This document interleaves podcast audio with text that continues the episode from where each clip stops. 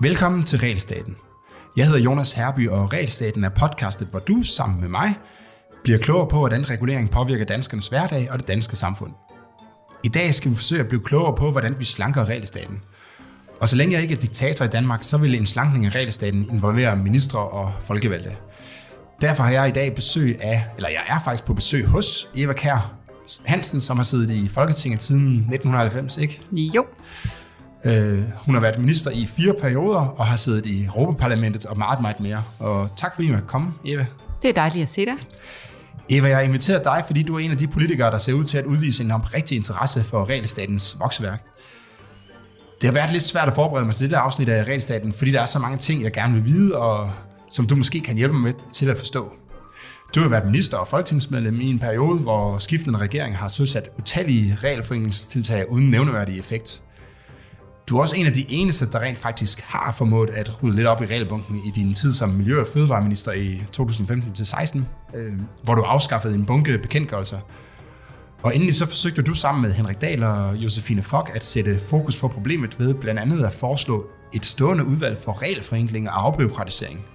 Øh, du har været på tur i afbyråkratisering med Henrik Dahl, og så har du søsat et øh, forskningsprojekt, der skulle sætte fokus på problemerne med bemyndigelser og blandt andet resultere i bogen, når embedsmænd lovgiver. Så jeg tænkte egentlig, at den måde, vi kommer til at køre det på, det er, at jeg øh, giver dig nogle korte spørgsmål med udgangspunkt i nogle af de ting, som jeg har lavet, og nogle af de, noget af det forskning, jeg har lavet.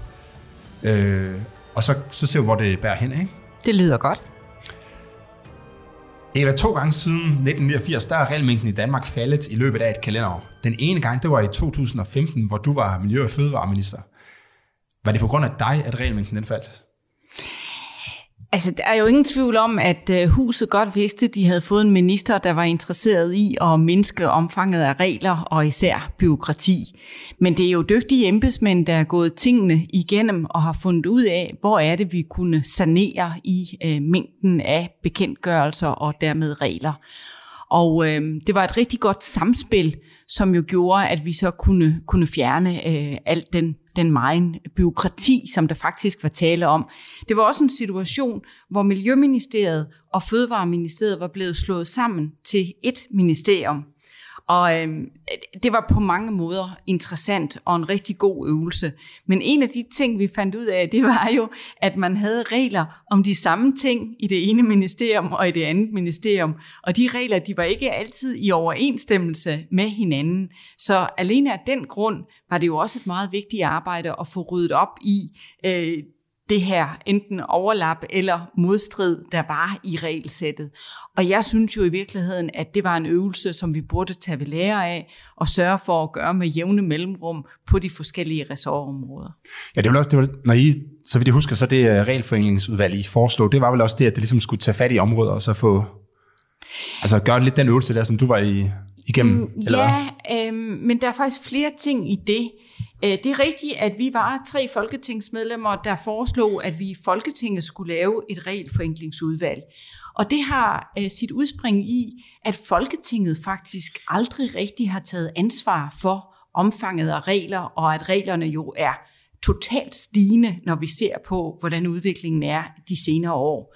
De kampagner, der har været omkring afbiokratisering og regelforenkling, det har altid været regerings regeringskampagner, så det mm. har været ministre, der ligesom skulle tage ansvaret for det. Men hvis den folkevalgte forsamling ikke tager ansvar, men bare fortsætter med at sprøjte lov øh, igennem i, i, i Folketingets samling, og samtidig øger øh, bemyndigelser, så mange flere end, end politikere kan udstede regler, så kommer vi jo ikke rigtig nogen vegne. Så det, der var vores budskab, det var, at nu skal Folketinget tage et ansvar for, at tingene øh, kører på den her måde, og Folketinget skal bidrage til, at tingene bliver mere enkle.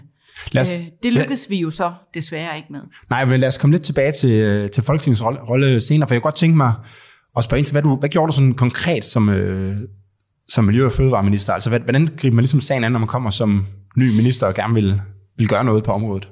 Altså, jeg har jo øh, lavet mange ting gennem årene, og første gang, jeg faktisk tog fat på, på regelforenkling, det var, da jeg blev fødevareminister helt tilbage i 2007. Og en af de ting, jeg gjorde der, det var, at jeg på hjemmesiden satte en skabelon op, hvor der stod, meld en regel. Så der kunne borgere, virksomheder og institutioner melde ind, hvis de syntes, en regel den var for øh, dyr, eller for fjollet, eller den var forældet. Øh, og det var en rigtig god øvelse for embedsværket at skulle forklare, hvorfor skal vi beholde den her regel.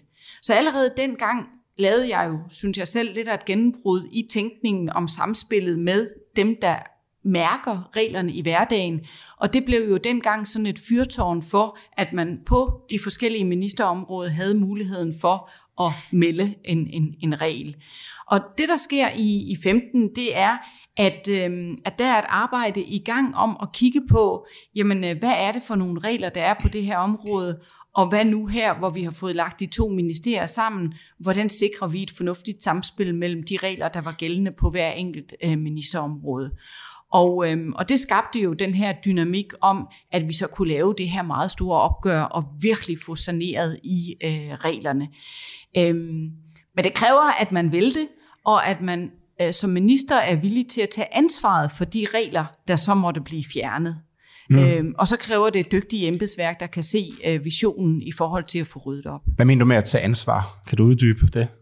Ja, hvis jeg så må vende tilbage til i virkeligheden min første tid som fødevareminister, hvor jeg ville øh, forenkle øh, fødevarelovgivningen, hvor man efter, øh, der havde været en række fødevareskandaler, og øh, politikerne havde hisset øh, hinanden op, sådan så de regler, der så blev i et fødevareforlig, de var meget restriktive, meget rigide. Altså det var sådan noget med, at hvis man satte en, en spand på gulvet i stedet for på reolen, så fik man øh, allerede ved førstegangsforseelse en bøde på 10.000 kroner. Og jeg fik dengang rigtig mange henvendelser fra især de mindre virksomheder, der sagde, vi overgår ikke det her mere. Altså loven er så urimelig, og vi får den ene bøde efter den anden, fordi der ikke er fornuft i, i reglerne. Øh, vi opgiver altså snart. Og øh, der satte jeg så et, øh, et arbejde i gang øh, med henblik på at, at gøre det her lidt mere fornuftigt og øh, helst også lidt mere enkelt. Og det advarede mit hus jo om. Altså ministeriet var i den grad imod det. Og selveste departementchefen tog fat i mig og sagde, minister, har du nu tænkt det her igennem? Fordi du skal jo tænke på, at hvis der nu kommer en ny fødevareskandale, og du har lempet reglerne, så får du jo skylden for, at der kommer en ny fødevareskandale.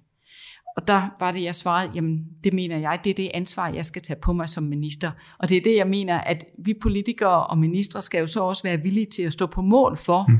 at hvis der så kommer nogle, nogle øh, hændelser, øh, at, at vi så samtidig siger, ja, men øh, vi synes, at vi fik skruet reglerne fornuftigt sammen. Og det vi skal lade være med, og det er også min appel til Folketinget, det er hver gang, der dukker et eller andet op, så sige, så må vi lovgive os ud af det. Jeg synes, det er sjovt og interessant, fordi du er inde på noget af det her, som, øh, som man jo beskæftiger sig med i public choice-teorien. Det der med, hvad er egentlig politikernes belønningsfunktion? Ikke? Altså, hvad bliver de belønnet for? Og det, altså, det, er jo, det er jo interessant at tænke på, at hvis nu dagen efter du havde, nu ved jeg ikke, om du fjernede den bøde der, men lad os sige, du, du fik den bøde skaffet af vejen, og så hvis der så dagen efter var en, der var blevet syg, fordi at der var nogle noget snavs ja, fra en spand, der var faldet ned øh, i noget ja. kød eller et eller andet, øh, så kunne din karriere jo have set meget anderledes ud, øh, kan man ja. sige. Altså det kunne jo godt være, at du blev væltet som minister og havde haft svært ved at komme i Folketinget næste gang. Det, det ved man jo ikke. Altså det kommer an på, hvor alvorligt det havde nu været. Nu krævede lige præcis øh, det forlig og de ændringer, det krævede, at hele Folketinget stod bag det. Mm. Så på den måde fik jeg jo også en helgardering, fordi det var simpelthen samtlige partier, der var øh, med i det forlig, og derfor skulle vi alle sammen være enige om de lempelser, vi lavede. Men, men da først vi fik illustreret, hvordan reglerne egentlig var, så kunne folk jo godt se, at det var fuldstændig urimeligt, øh, det man i virkeligheden havde, havde lovgivet om. Men jeg er meget enig med dig i, at det er det, der er vores store udfordring i forhold til regelmageriet. Det er, at du i dag bliver belønnet for at lave en ny regel, fordi det øh, viser, at du handler, og du tager problemet alvorligt. Hvorimod, hvis du øh, fjerner regler og lemper, så skaber du en risiko for, at du får kritik i stedet for. Og derfor kræver det faktisk rigtig meget, når du vil fjerne reglerne. Og systemerne, som, altså embedsværket, som vi arbejder med, de siger jo, jamen lad det dog ligge, for hvorfor risikere øh, og, og, og selv blive hængt ud for, at du har lavet noget, der er bedre. Ja, og det, det er jo faktisk et, et, det kan jo være et ganske mm. godt, godt råd, ikke? fordi jo. det er svært at, altså det, ja, det er sværere for folk, altså for, for dem, der stemmer, øh, og opdage, at der bliver fjernet noget eller lempet noget. Ikke? Det er jo kun dem, der konkret bliver berørt af, af reglerne, som, som opdager det. Ikke? Mens, mens hvis man kan indføre nogle nye regler, så er det måske nemmere at gå ud og kommunikere, at man har gjort noget, noget aktivt på en eller anden måde. Ikke? Øh. Jo, øh, og der er ikke, der er ikke den, øh, hvad skal man sige, øh, anerkendelse i den offentlige debat fordi der er ikke den her forståelse af, at, at regelmageriet altså er blevet for omfattende og blevet en hemsko for vores øh, virkeløst eller for vores øh, måde at leve livet mm. på. Og hvis den stemning ikke er der, jamen så er det, at man nemmere risikerer en, en kritik af at fjerne nogle regler og, og faktisk bliver belønnet for at indføre nogle nye. Ikke? Jeg tror også nogle gange, at problemet, det må du gerne lige kommentere på, hvad du, hvad du tror, men jeg, jeg tror nogle gange, at problemet er, at, man, at den enkelte regel kan jo godt virke fornuftig. Altså nu, jeg har joket meget om den her øh, regel med, at man ikke må pleje øh, pindsvin, medmindre man er autoriseret af staten til, til at gøre det. ikke. Øh, og, og et eller andet, altså, så, reglen er jo fornuft. Altså, du skal, hvis du finder et pindsvin, der er kommet til skade, eller dehydreret eller andet, jamen, så skal du kontakte en, der har ekspertisen til at så tage sig af det pindsvin. Det er jo sund fornuft et eller andet sted, ikke? Altså selvfølgelig bør man gøre det, men man kan så godt diskutere, om det er nødvendigt at lave en regel om det. Det samme med den her, med, du sagde med, med spanden der, ikke? At selvfølgelig skal man ikke altså skubbe spanden rundt. Det minder mig om en situation, da jeg selv var opvasker øh, i 14 dage, altså som afløser for min storebror, hvor jeg fik en rigtig røffel af slagteren, fordi jeg skubbede nogle spande hen over gulvet. Ikke?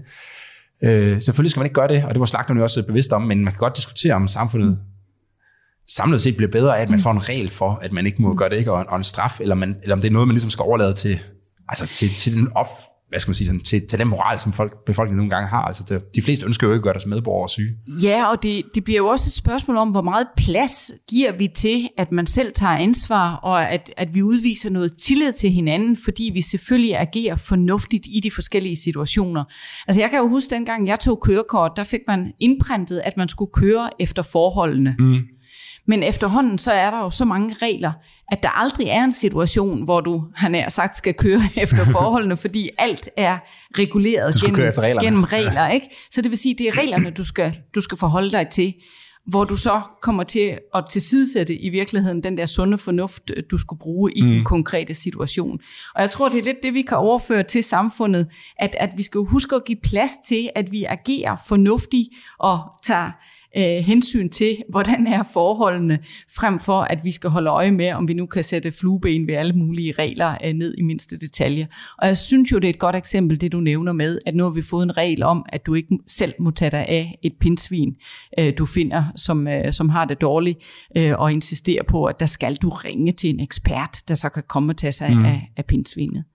Tror du, at øh, regler kan fungere som en... Øh hvad skal man sige sådan, altså tror du, de på en eller anden måde kan påvirke den her offentlige øh, moral, og det her, altså, kan man på en eller anden måde få en situation, hvor folk holder op med at køre efter forholdene og glemmer ligesom den der sunde fornuft? Øh, fordi altså, der kommer så mange regler, så de siger, at jeg, hvis det er tilladt, så gør jeg det bare.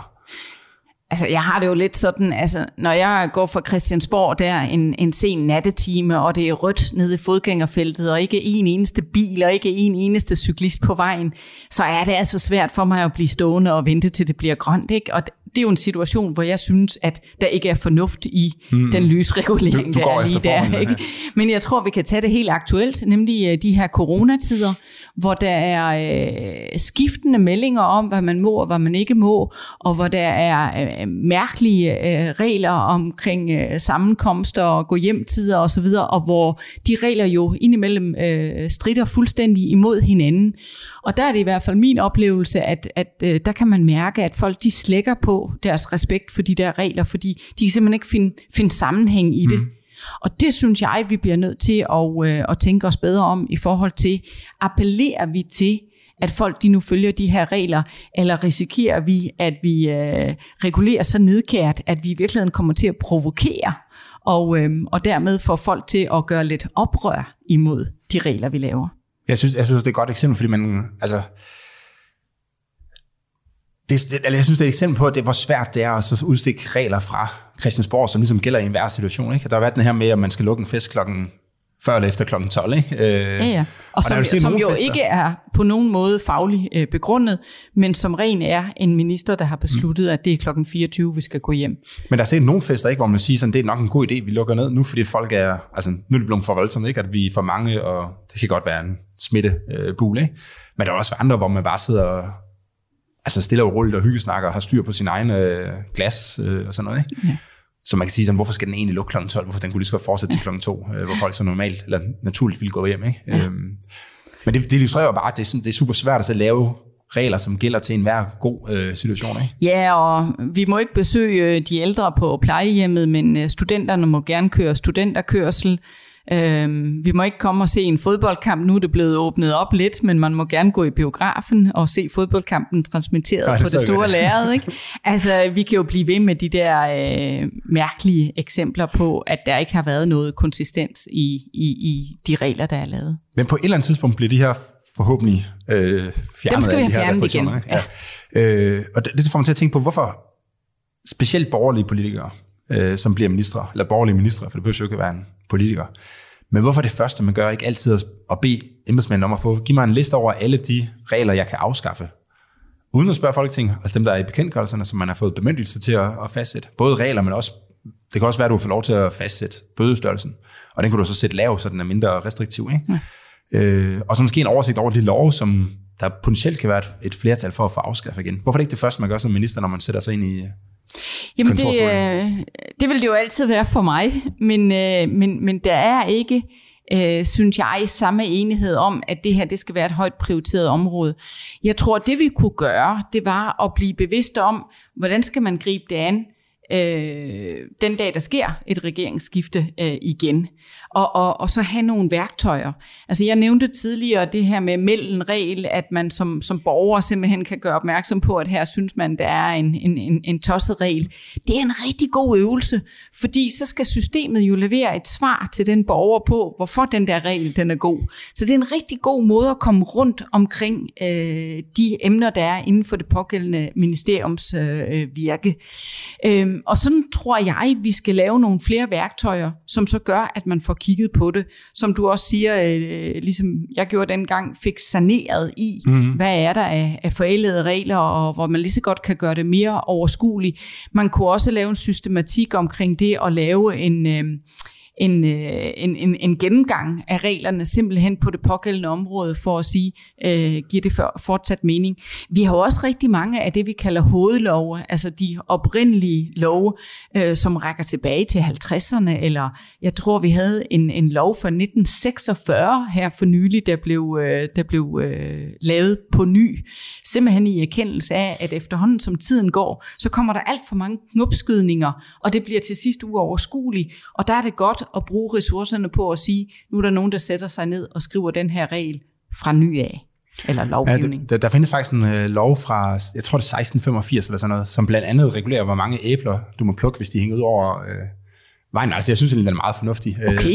det er sådan, at du, du må plukke til eget behov, ikke? Du må ikke plukke ja. naboens Men der er vel ikke antal på? Altså det er vel Nej, der er ikke, der er ikke antal på. Ikke? Det er sådan en, uh, altså det er sådan vagt formuleret. Ja. Men, og, det, det, og egentlig, måske er det også derfor, jeg godt kan lide, uh, lide reglen, ikke? For det giver ligesom, hmm. man siger, at det her eget behov kan jo være vidt forskelligt. Ja. Uh, så hvis du siger, at det kun er et æble, så er det jo, Altså, jeg, jeg, du kan måske kun spise et, jeg kan spise to, ikke, fordi jeg er meget større end dig. Ja. Så, så antallet er dumt, ikke? men eget behov vil være noget, som domstolen kunne tage stilling til, hvis det endelig kom dertil. Ikke? Og som folk i Altså hvis vi begynder at skændes om det, så vil vi nok også godt kunne nå en eller anden enighed om, hvor mit behov ligesom ligger. Ikke? Altså hvis vi begynder at sælge ud af æblerne, så er det rimelig åbenlyst, at det ikke er mit eget behov. Ikke? Ja. Nå, lad os springe videre til næste øh, ting, jeg har taget med. Det er, at øh, hvis vi ser på skiftende statsminister siden 1989, så viser data, at blå regeringer de generelt har reguleret lidt mindre end øh, røde regeringer. Tror du, det er tilfældigt eller bevidst? Jeg tror, det er bevidst. Jeg, jeg tror, vi er øh, dygtigere til at, øh, at sige, at det nu også nødvendigt at lave en ny regel her. Og det er jo ud fra en, en, en tro på, at den enkelte skal have øh, så stor en frihed som overhovedet muligt, så længe det bare ikke går ud over andre. Så jeg tror, der er mere omtanke og mere diskussion øh, på den borgerlige liberale fløj af, er det nu også nødvendigt at lave nye regler her. Men altså, vi falder jo også i, Øhm, og når der skal jo, laves tak. kompromiser, så, øh, så øh, giver man gerne en indrømmelse med, med, med, med regler. Altså øh, ingen tvivl om det.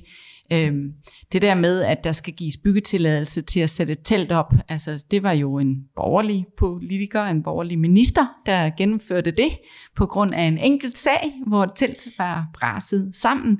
Det synes jeg, det er øh, fantastisk byråkrati, vi har skabt øh, på baggrund af en, en enkelt sag. Øh, men vi har også, fordi vi skulle have en finanslov skruet sammen, på et tidspunkt lavet øh, en lov om, øh, hvordan man kan regulere pårørendes adfærd på et plejehjem, hvis der er øh, øh, strid om øh, deres opførsel, når de besøger deres pårørende på plejehjem. Og sådan kan jeg jo blive den, ved med at lave alle mulige eksempler på, at vi også har lavet tosset lovgivning. Den, den skal jeg lige uddybe. Så du sidder, altså så, der, så man har siddet på Christiansborg, og så lavet øh, regler for, hvordan man ja, ude på plejehjem altså, skal, håndtere på, at det var midt i finanslovsforhandlingerne, og man skulle gerne have lavet et forlig omkring finansloven.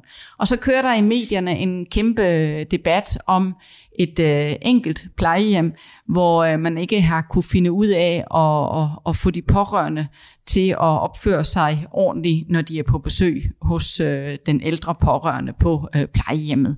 Og det hele går i hårdknude, og det ender med, at vi laver en lovgivning om, hvordan man skal håndtere en sådan situation.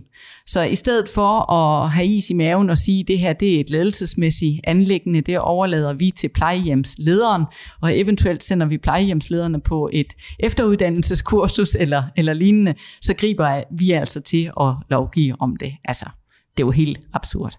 Men altså, når vi så mødes øh, senere til julefrokost, eller til øh, første gang I mødes sådan efter sommer, eller juleferien, er der, altså sidder I så ikke noget og tænker, at det var måske lige det gik sgu nok lidt stærkt, at vi troede, at vi kunne regulere sådan noget inden for øh, Nej, nej, det var ikke et spørgsmål om, at det gik for stærkt, fordi jeg kan huske, at jeg tog ordet i gruppen og sagde, prøv lige at høre, vi kan jo ikke øh, seriøst tale om, om regelforenkling og mindre byråkrati, hvis, uh, hvis vi laver det her.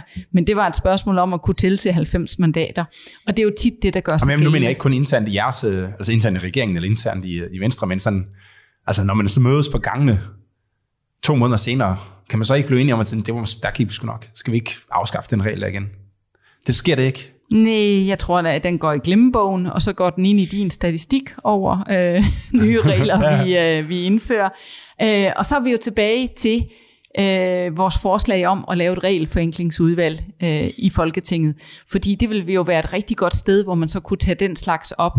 Og når jeg gerne vil have et, et, et udvalg, så var det jo netop for, at vi ligesom kunne gå på tværs, sådan så det ikke kun er de mennesker, der har siddet og forhandlet det her forlig, der efterfølgende skal lave den der store erkendelse, når den der regel skulle vi måske have lavet være med, men at der kunne komme nogen udefra og kigge på det, fordi det var måske lidt nemmere.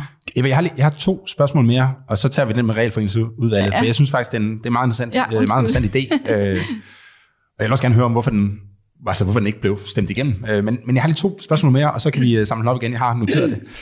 Øh, men der, der er nemlig en ting, jeg har bemærket. Jeg har ikke gået ud med det sådan... Øh, altså, jeg har ikke skrevet notat om det, fordi at vi har, der er få regeringsskift i den periode, jeg har data fra. Så man skal være lidt påpasselig med at så konkludere alt for benhårdt øh, på noget. Ikke? Men noget af det, jeg kan se i data, øh, det er, at de blå regeringer, altså grunden til, at de regulerer lidt mindre end de røde, det er, det er specielt i starten, at de er mindre tilbøjelige til at indføre regulering. Mm. Altså der er, der er flere mm. af dem, der har et fald i reguleringen mm. i det første år, hvor efter det så, altså hvor efter det så begynder at ligne de, øh, de røde regeringer med sådan 4-5% ekstra øh, regulering hvert år. Ikke? Øh, hvorfor tror du, det er sådan? Jamen, øh, altså som sagt, så tror jeg, at det, det er vores politiske tilgang, der gør, i hvert fald i første omgang, at vi ikke regulerer i samme omfang. Men så sker der jo også nemt det, at man bliver en del af systemet, eller en del af dagligdagen, og der kommer konflikter øh, i Folketinget, og så skal man have tingene til at gå op. Og igen, så er det den der øh, øh, helt øh, altså, øh, fundamentale tilgang til reglerne i opfattelsen af dem, at du gør noget, at du handler og du bliver belønnet for at lave nye regler, fordi det virker som noget konkret handling, og det gør det modsatte ikke. Så jeg tror, at efter et stykke tid, så, så falder den der politiske entusiasme om det at sørge for at være borgerlig liberal og sikre størst mulig øh, frihed derude, til at det bliver en del af dagligdagens kompromiser og systemet og så videre.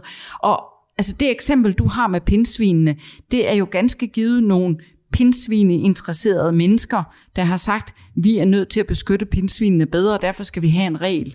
Og jamen, så lytter man til den lille udvalgte gruppe, og glemmer måske at sætte det ind i, i den større øh, sammenhæng. Mm. Det, det ser vi på mange andre områder også, at jamen, så bliver det det der med, at den der lille gruppe, så får de lov til at få de regler, de gerne vil have. Bliver det for meget politik og for lidt øh, idealisme i dine øjne? Eller? Øh, altså bliver man ligesom drevet ind i Ja, i virkeligheden, i, bliver, det jo driften, for, i, i virkeligheden bliver det for lidt politik, ikke? Ja, det var, altså, ja, altså faktisk, for lidt idealisme og for lidt politik og meget mere, når vi skal bare have dagligdagen til at, at fungere. Ja, sådan drift. Man bliver meget driftperson i stedet for ja. øh, politisk. Ja. ja. Jamen det, øh, det er faktisk også den, lidt for den fornem, fornemmelse, jeg har, ikke? at man ja. bliver så begravet i alt muligt ja. arbejde, at man måske er mere tilbøjelig til at komme til at sige ja til... Øh, og det er derfor, jeg synes, at det skal indgå i en, i en drejebog, hvor man ligesom har øh, klart defineret, hvad det er for nogle værktøjer, man tager i anvendelse. Og de skal så gælde for samtlige ministerier, og man skal holde øje med anvendelsen af de værktøjer. Altså det der med at lave regelanalyse, det med at lave meld regel, det med at have øje for, hvordan sker det egentlig med, med regeludstedelsen inden for de enkelte områder. Du lytter til Regelstaten. Men så lad os, lad os samle op på den her med regelforenklingsudvalget. Kan du ikke lige bare kort øh, fortælle, hvad, hvad var det, I gjorde, og, hvad var det, og hvorfor blev det stemt ned? Altså ja. udover, at der ikke var 90 mandater bag. Ja, altså det blev jo stemt ned, fordi øh, den var ikke modnet hos øh, vores kollegaer. Altså Henrik Dahl og jeg har jo haft øh, meget i gang omkring øh, afbiokratisering og, og regelforenkling, øh, og vi kom til at, øh, at tale med, med Josefine Fock om det, og Alternativet kom jo med deres øh, entusiasme, i hvert fald på, på det tidspunkt. Og vi blev så enige om, at det ville være rigtig godt, at øh, Folketinget ligesom tog ansvar på sig i forhold til omfanget af regler, og allerbedst, hvis man gjorde det gennem det at lave et tværgående udvalg, der så ligesom kunne tage fat i øh, de eksempler, der var på, at man i Folketinget kunne bidrage med at gøre tingene enklere. Og et af de eksempler, vi havde med, det var hele beskæftigelsesområdet. Det er jo så siden lykkes at, at forenkle det, øh, i hvert fald i en vis grad. Mm. Øh, jeg kunne godt ønske mig meget mere, men, men, men der var der netop også blevet alt for rigide øh, regler, der simpelthen ikke øh, gav mening. Så det var jo et godt eksempel, hvor der kunne komme ligesom nogen fra på tværs og så sige til folkene i beskæftigelsesudvalg, prøv lige at høre, når man nu kigger på de aftaler, I har lavet, så kunne det her måske gøres på en, på en mere enkel måde. Et andet eksempel er jo det, jeg har arbejdet meget med, nemlig når vi implementerer EU-retsakter i, i dansk øh, lov. Der er det faktisk sådan, at 9 ud af 10 øh, retsakter, de øh, ryger ind i dansk øh, lov via bekendtgørelser. Mm. Og det vil sige meget uden, at vi er opmærksomme på det i, i Folketinget det, øh, det kontrollerer vi overhovedet ikke fra Folketingets side, og vi følger ikke med i, øh, hvad der så står i de bekendtgørelser, fordi de kommer ikke forbi Folketinget. Så det var også en opgave, jeg synes ville høre hjemme i, i sådan et, et forenklingsudvalg, hvor man så ligesom kunne sikre, at der ikke skulle ske en overimplementering, når man overførte retsakterne til, til dansk lov. Og sådan kunne vi give en række eksempler på øh, tværgående ting, som, øh, som sådan et udvalg øh, kunne øh, tage sig af. Men det er jo en meget uvandt tænkning i øh, Folketinget, at man skulle lave sådan et tværgående udvalg, fordi vi har typisk en udvalgsstruktur, der følger ministerstrukturen. Det vil sige, det er et udvalg, som følger den, den enkelte øh, minister. Og derfor øh, var Folketinget øh, derfor år tilbage simpelthen ikke parat til at, øh, at tage så vidtgående en, en idé til sig. Kan, kan man så ikke bare få en øh, regelforenklingsminister? Jo, det vil jo være aldeles pragtfuldt øh, og et godt forslag at, at give til, til statsministeren. Men, men igen, så vil det jo kun give mening, hvis den pågældende minister så fik nogle beføjelser over for de forskellige ministre. Fordi hvis det bare vil blive en ministerpost, som man kan ignorere, fra de andre ministres side, så vil det ikke føre nogen steder. Altså jeg tror, at det er bedre at forankre det hos den enkelte minister og sige, at det er inden for dit område, du har et ansvar for at, øh, at gøre noget. Så, så han skulle på en eller anden måde skulle være, altså så alle ministerne skulle stå til ansvar for regelforenklingsudvalget? Eller, jeg eller synes, man jeg? skulle have muligheden for, at udvalget kunne kalde den enkelte minister i samråd. Ja. Altså for eksempel, så har jeg jo lige øh, nu gang i øh, hele persondataforordningen, som jeg synes er både øh, vanvittigt byråkratisk, øh, fyldt med store omkostninger for aktørerne, men også rigtig vanskelig at forstå, og, og at der mangler klare svar. Og der har jeg jo så kaldt øh, justitsministeren i samråd øh, flere gange nu i Europaudvalget, fordi vores regler er baseret på en EU-forordning. Men det var også sådan en ting, der var oplagt at kunne tage i sådan en regelforenklingsudvalg og så sige, jamen, hvordan søren har vi overhovedet implementeret den her i øh, dansk øh, ret, og så dykke ned i, forskellige øh, ressortområder. Så altså, det vil jo give, synes jeg, et meget bedre grundlag for Folketinget til at tage nogle sager og ligesom få frem i lyset, øh, hvordan det fungerer i dagligdagen. Tror du, det, altså, tror du, det vil virke? Fordi at Margrethe Vester, hun har jo det her citat, som jeg har brugt mange gange med, at hvis altså, at vi fjerner eller fjerner regler med en, øh, gamle regler med en pincet, mens vi laver nye regler med en skovl. øh, så vil sådan en regelforeningsudvalg virke, og hvad, hvordan, hvad med ressourcer i forhold til, altså noget af det der, jeg synes, det tager mega lang tid, det er, når man siger, at der er den her, der er en dum regel, øh, når man så skal prøve at finde ud af, hvorfor reglen er der, øh, hvad der sker, hvis man fjerner den, sådan, og det er jo bare, altså det, det kræver sindssygt mange ressourcer, ikke? og det er sikkert også derfor, at det ikke, øh, der ikke sker så meget øh, på området, ikke? men ja. hvordan vil sådan en udvalg hvor, hvor, hvor vil du få ressourcerne for? Vil det være fra de enkelte ministerier, som så kunne kræve at få lavet analyser? Eller, ja, eller hvor, hvor? det ville det jo så i givet fald skulle være, at man fik uh, muligheden for at, at indhente analyser og kalde ministre i samråd og få afdækket et, et område.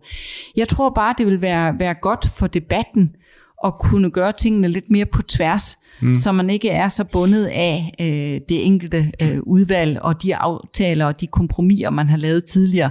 Fordi det er altid sværere at lave om på noget, man selv har været med til at, at, at indføre. Øh, men men, men det, altså det handler jo også om perception, altså hvordan bliver det her modtaget? Og, og, og vil det kunne lykkes øh, og, og, og skabe, hvad skal man sige, øh, en stemning i retning af, at det faktisk er positive resultater, når man prøver at afregulere. Øh, og det tror jeg jo, vi kunne bidrage med ved at, at nedsætte et sådan udvalg. Ja, så, altså, det er også min opfattelse, at når man hører politikere udtale sig om regler, så er det de færreste, der mener, at der samlet set er for få regler. Altså de fleste synes, at der samlet set er for mange regler, for meget byråkrati. Og så har de selvfølgelig altid en hel masse regler, de gerne selv vil indføre. Øh, i hvert fald, det er der i hvert fald mange politikere har, ikke? Men, men samlet set synes de, at byråkratiet og regelmængden er problem. Så, det, så det, var, det er lidt overraskende for mig, at der ikke var opbakning til at lave noget af det der. Øh. Men udfordringen er jo at blive enige om, hvad er det så for nogle regler, der skal fjernes. Og der er altid en eller anden interesseorganisation, der kan råbe højt og sige, lige mm. præcis vores regel, den er den, den vigtige. Altså, i, i virkeligheden, hvis jeg må drage parallelt... Men det vil du også pege imod, at sådan et udvalg var en god idé, ikke? for der kan man ligesom ja. samle nogle lidt bredere interesser og sige, at det kan godt ja. være, at... Øh, ja branche Y, den får gavn af øh, ja. at være beskyttet mod konkurrence ja. via de regler her, men samlet set for forbrugerne og for andre brancher. Ja, og samfundsmæssigt og så videre, mm. der øh, giver det ikke nogen mening. Altså, og, det, og det er lige præcis, altså, det, det er der, jeg gerne vil hen, at man ligesom får det løftet ud af den der lille snævre interessesfære, der kan være, til at man ser mere øh, tværgående på det, og mere samfundsmæssigt, og mere får gang i den der diskussion om, hvad er det for et samfund, vi vil have i, i, i Danmark. Men hvis jeg må give som eksempel også, og nu har jeg jo fulgt øh, debatten omkring EU-medlemskabet i Storbritannien på meget tæt hold, øh, gennem rigtig mange år. Men hver gang jeg spurgte til, hvad er det så for præcis en del af samarbejdet, som I ikke vil være med til, så var det jo hele tiden, jamen, vi skal samarbejde om forskningen, vi skal samarbejde om den fri bevægelighed, vi skal samarbejde om det ene og om det andet. Altså igen, det er rigtig, rigtig svært at blive præcis om, hvad er det, man er irriteret over, og hvad er det for et byråkrati, man synes skal fjernes, når man nu mm. kigger øh, dybt ind i det. Jeg ved ikke, om det giver mening for dig med lige at lave den parallel, men den, den, den er der faktisk både i det store og i det små, når vi taler om at mindske byråkratiet og fjerne reglerne. Og derfor er vi nødt til at skabe en situation, hvor man ligesom kan få lidt afstand til det, og dermed lægge et pres på at sige, prøv lige at høre, det er ikke nødvendigt, at vi nedskriver en regel om, at du skal ringe til en ekspert, hvis du møder et pindsvin, der ikke har ah, det for godt. Altså jeg postede den regel der på øh, Facebook, tror jeg det var. Der var det jo Altså der var der jo faktisk debat om, der, der var nogen, der synes, det var en glimrende regel, fordi at folk skal ikke give uh, pindsvin mælk og sådan noget. Og selvom jeg så prøver at sige, hvis ikke de ved, at de ikke må give pindsvin mælk, som er sådan lidt mere altså lidt mere common uh, knowledge, end at der står i en eller anden mærkelig bekendtgørelse, at du ikke må pleje pindsvinet, hvis ikke du er autoriseret af staten. Så jeg hvis ikke du ved det med mælken, så ved du heller ikke, at der er en regel for det, vel? Så, så uh, altså jeg tror nogle gange, jeg tænker nogle gange, der er brug for sådan en helt grundlæggende ændring af folks opfattelse af, hvad man kan gøre med regler. Fordi man kan, mm. altså det, det er ikke, selvom der er noget, du er utilfreds med, og selvom du synes, at det er dumt, at folk gør på en eller anden bestemt måde, så er det ikke sikkert, at en regel kan fikse det. Altså nogle gange så er det bare et problem, som vi er nødt til at så lade civilsamfundet arbejde med, og så på et eller andet tidspunkt skal vi nok få løst det. Lidt, jeg synes også, det er lidt, lidt, det er lidt det samme, jeg synes, det er det samme synspunkt, jeg har det med rygning. At der er sikkert nogle regler, man, som, er, øh, som er gode og sådan noget, som er målrettet at undgå, at man får unge til at øh, begynde at ryge, som ofte er imod forældrenes ønske. Ikke? Øh, men det er altså også bare noget, som samfundet arbejder med, ikke? og der er jo markant færre, der ryger i dagen for, øh, for 30-40 år siden. Ikke? Så, så det er jo noget, som vi arbejder med, men nogle gange tager ting bare øh, tid. Og jeg synes jo heller, at man skal forklare, hvorfor man ikke skal give pindsvinet mælk, eller forklare de unge mennesker, hvorfor de skal lade være med at ryge, øh, frem for at henvise til, at der er en regel, der siger, at du ikke mm. må. Jeg tror, det giver mere, øh, altså at det virker bedre, at, at det er det indholdsmæssige og det fornuftige i det, vi, vi diskuterer. Men der laver vi jo så også, synes jeg, en, en anden fejl herinde, nemlig at vi ikke er gode nok til at følge op på, hvad er så effekten af den regel, vi har sat i værk. Altså, vi, vi, vi tænker, at øh, det her, det virker godt, at øh, nu bliver de her pindsvin øh, bedre hjulpet, fordi vi har lavet en regel, men måske skulle vi jo efter to-tre år undersøge, hvad var så effekten, og er der overhovedet kendskab til, at den regel findes. Mm. og det synes jeg, vi er alt for dårlige til. Jeg har gjort, hvad jeg kan til, at bidrage til, at den regel er kendt. Nå, nu bliver det næsten for meget pindsvin-snak. Men altså, vi er jo ikke særlig gode til herinde at følge op på øh, det, vi har sat i værk jamen gik det så, som vi forventede? Havde det de konsekvenser, som vi regnede med, eller har der været nogle utilsigtede konsekvenser? Og det synes jeg jo også, at vi skal blive markant dygtigere til at sige, vi stopper op og gør status på tingene, og så laver vi det om, hvis ikke øh, effekten har været, som vi regnede med. Synes du, at Folketinget nogle gange mangler sådan tillid til, til borgerne til, at de kan altså, håndtere problemstillinger selv? Ja, det gør jeg da i allerhøjeste grad. Jeg, jeg synes, vi regulerer vildt øh, meget. Øhm, og det, det er jo ikke det samfund, jeg ønsker mig. Altså, jeg tror jo på, at, øh, at folk godt kan finde ud af at opføre sig ordentligt, hvis de får nogle øh, fornuftige rammer til at kunne gøre det i.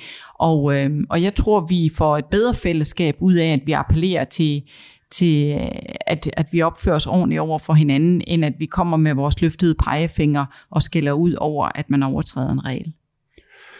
Jeg, jeg, altså, jeg har flere gange foreslået, at man øh, lavede en eller anden form for, for regelloft, og jeg ved godt, at det, altså det vil være svært at administrere, for hvad er en regel, og, og hvordan skal man, altså hvis man nu kun har lovgivning med, så kan man skrive det ind i en bekendtgørelse i stedet for. Sådan, og det, det er selvfølgelig svært at administrere, men man kan godt arbejde med ideen om, at man på en eller anden måde kan bruge det som et af, af værktøjerne. Hvorfor der ikke... Øh, kunne, du, kunne du forestille dig en fremtidig borgerlig regering, der sagde, at nu må den samlede regelmængde ikke øh, stige? At det er ligesom en af vores politiske målsætninger, ligesom at sige, at samlet skattetryk ikke må stige. Ja, altså jeg synes sagtens, at vi kan overveje det. Problemet er jo øh, vægtningen af reglerne, ikke? Øh, hvor, hvor, hvor, hvor meget fylder en regel, øh, og hvad er den tilsvarende regel, der så skal, skal fjernes. Mm. Øh, og i virkeligheden så er jeg jo tilhænger af, at, øh, at der skulle være en negativ vækst i, i reglerne, ikke? når jeg ser på, på kurven øh, over de senere det, år. Det vil jeg også meget gerne have, men, men hvis, man kan stoppe, hvis men, kan stoppe væksten, så vil det være det, ja, en god start. det er du ret i. Men altså, jeg, jeg tror mere på, at det handler om at finde de værktøjer, der kan afdække, øh, hvilke regler, der i virkeligheden er overflødige. Altså at vi ligesom vi, øh, vi laver budgetanalyser for at finde ud af, hvor kan vi spare nogle penge i den offentlige sektor, så lavede regelanalyser øh, over, hvor kan vi øh, fjerne nogle regler, og at vi fik en mere systematisk tilgang til, øh, hvor er der øh, regler, som faktisk øh, ikke behøver at være der, eller som er forældet, eller hvad det nu er, der gør sig gældende. Og, og, og der er det jo igen, at Folketinget kunne jo bidrage til at hjælpe regeringen til at have opmærksomheden rettet mod regeludstedelsen. Mm-hmm. Tror du sådan et regelloft, kunne det, kunne det fungere i praksis? Nu er du siddet både som minister og folketingsmedlem, og ja, stort set alt, ikke? Øh, kunne, kunne et regelloft, altså kunne man designe et regelloft, som, ja, ja. Som, som fungerer på en eller anden måde, hvor man måske vægter det i forhold til, altså det er klart, at hvis du, har, hvis du siger, at man skal øh, ja. levere pindsvin ind til øh, pindsvineplejer, det er måske ikke helt så alvorligt, som hvis du kræver, at øh, folk skal have en uddannelse for at køre varebil. Øh, mm. Øh, det er jo to lov, som er blevet vedtaget for, inden for de seneste par år. Øh, men det er klart, at den med pindsvin, altså, det er ikke sikkert, at nogensinde kommer i anvendelse. Vel? Øh, men den der med varebilerne har jo stor konsekvens for mange øh, chauffører i, øh, i varebilsbranchen. Altså, jeg tror ikke, vi er derhen lige nu, hvor man, øh, hvor man bare kunne vedtage sådan et, et, et regelloft. Øh, det, det, det, det tror jeg desværre ikke. Øh, fordi der er rigtig mange ting, der spiller ind på regeludstedelsen. Og du nævnte jo også, at øh, jeg har stået bag øh, iværksættelsen af et forskningsprojekt om øh, det, der hedder bemyndigelser. Altså når vi vedtager nogle love, vi vedtager jo mellem 2 og 300 love i gennemsnit årligt i Folketinget. Så i de love, der har vi så en række bemyndigelser, som altså er beføjelser til ministre eller til andre til at fastsætte de nærmere regler. Og øh, der har det typisk været ministre, der har fået de her beføjelser, og så har ministeren uddelegeret det inden for sit øh, ministerområde til at lave bekendtgørelser med regler, der fastsætter de nærmere mm. betingelser. Mm. Men det, der er jo sket gennem årene, det er, at, øh, at de bemyndigelser, de nu også bliver udstukket til alle mulige andre, nemlig øh, direktøren øh, for Finanstilsynet, eller direktøren for Arbejdstilsynet, eller direktøren for Patientsikkerhedsstyrelsen. Øh, så der er rigtig mange andre, der også har fået beføjelser til at lave regler. Og jeg tror, det er rigtig vigtigt, at vi kigger på det, og får fundet ud af, hvordan får vi hånd i hanke med øh, omfanget af regler, øh, der kommer fra diverse styrelser og, og tilsyn. Fordi jeg kan se, at den store stigning, den faktisk finder sted der.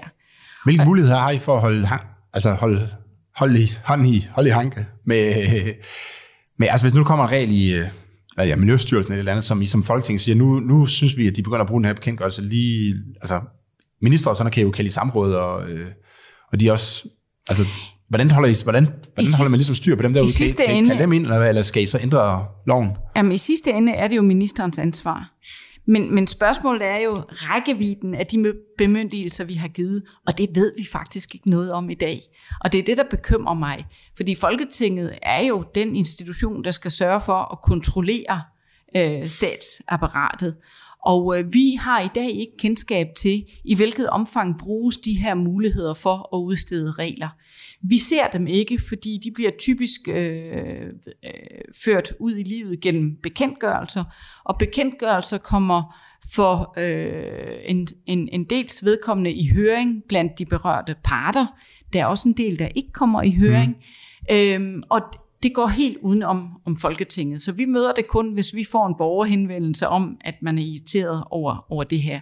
Og der tænker jeg jo, at vi kan starte med at sørge for, at alle bekendtgørelser kommer i høring, at Folketinget får et kendskab til, hvilke bekendtgørelser, øh, der bliver øh, udstedt, at vi i det hele taget udvider vores kontrolfunktion til at vide, hvad laver alle de gode mennesker af, af regler.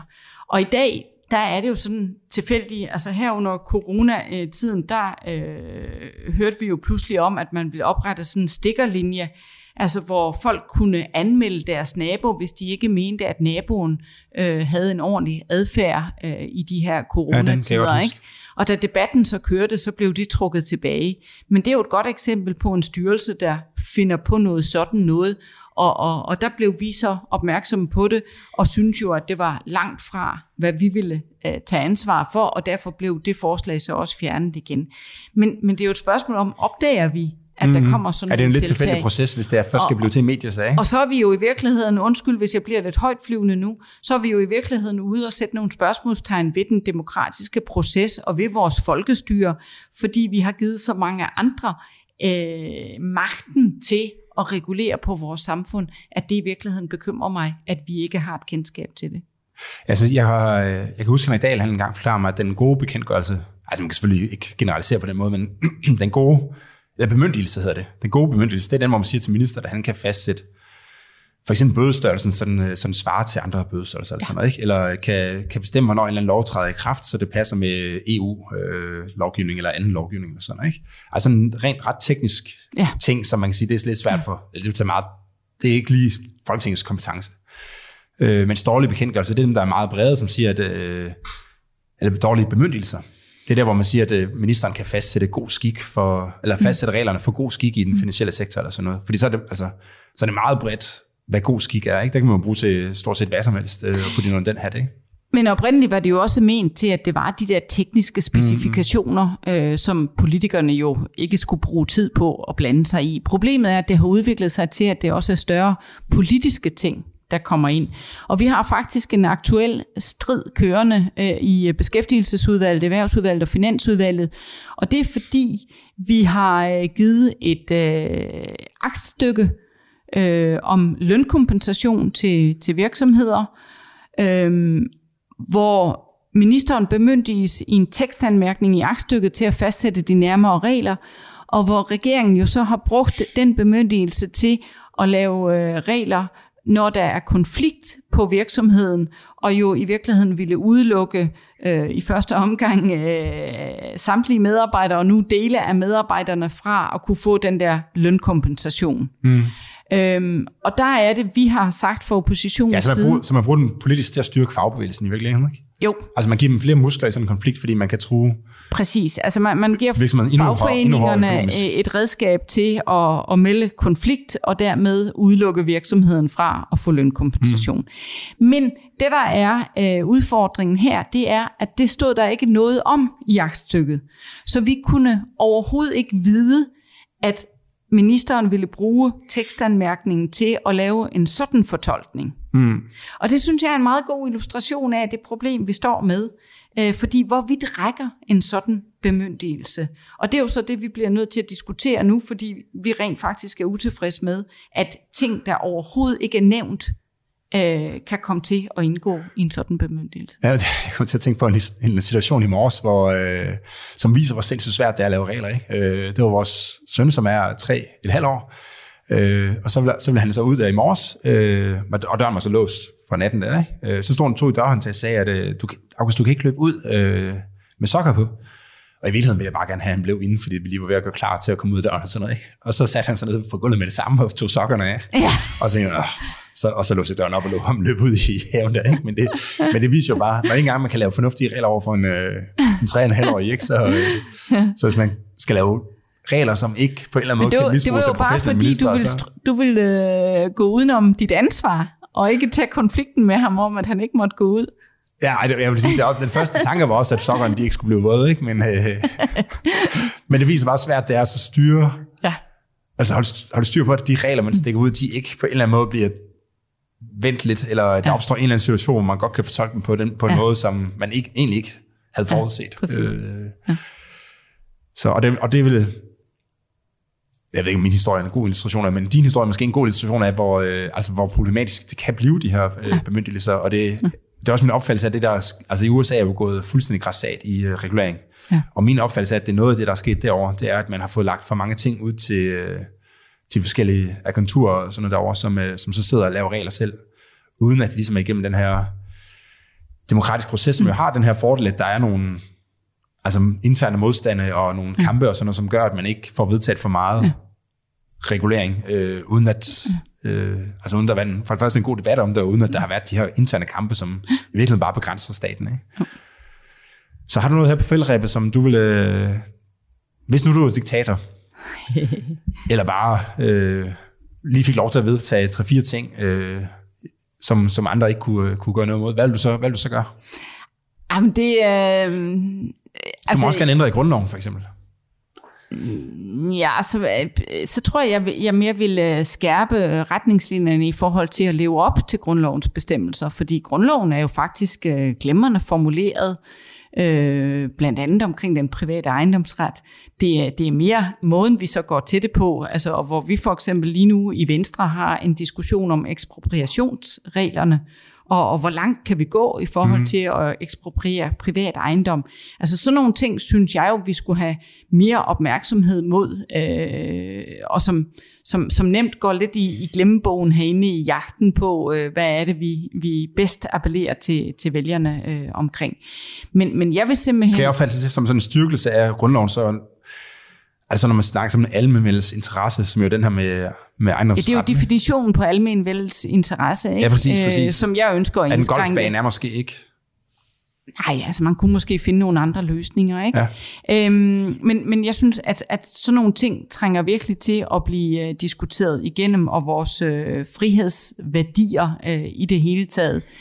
Øhm, men, men, men jeg ville gøre meget mere ud af, hvordan vi har en fornuftig debat med hinanden om, hvilke regler øh, giver mening, og hvad må omkostningerne være øh, ved det.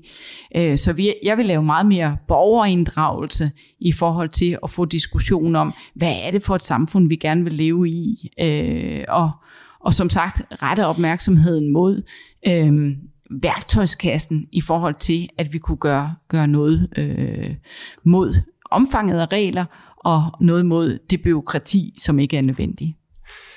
Eva, det bliver det sidste ord. Tak fordi måtte komme. Det har været øh, spændende og interessant at, og høre om dine erfaringer som Tak for snakken, og tak for din indsats på området. Øh, og til jer, der har lyttet med, så øh, tak fordi I lytter med først og fremmest. Øh, og som alt, så må I gerne komme med input til folk, jeg kan snakke med. Og jeg kan sige så meget, at jeg har en jeg leder med lys og lygte efter nogen, der kan hjælpe mig med at blive klogere på, hvordan man regulerer i en, en pandemitid, øh, og specielt i forhold til en fremtidig pandemi. Skal, skal staten have alle musklerne, eller skal vi på en eller anden måde prøve at lægge mere ud til civilsamfundet i, under sådan en pandemi. Så hvis I har nogen, som I ved, har nogle interessante tanker i forhold til sådan en diskussion, så vil jeg meget gerne øh, høre fra jer. Tak fordi I lyttede med. thank you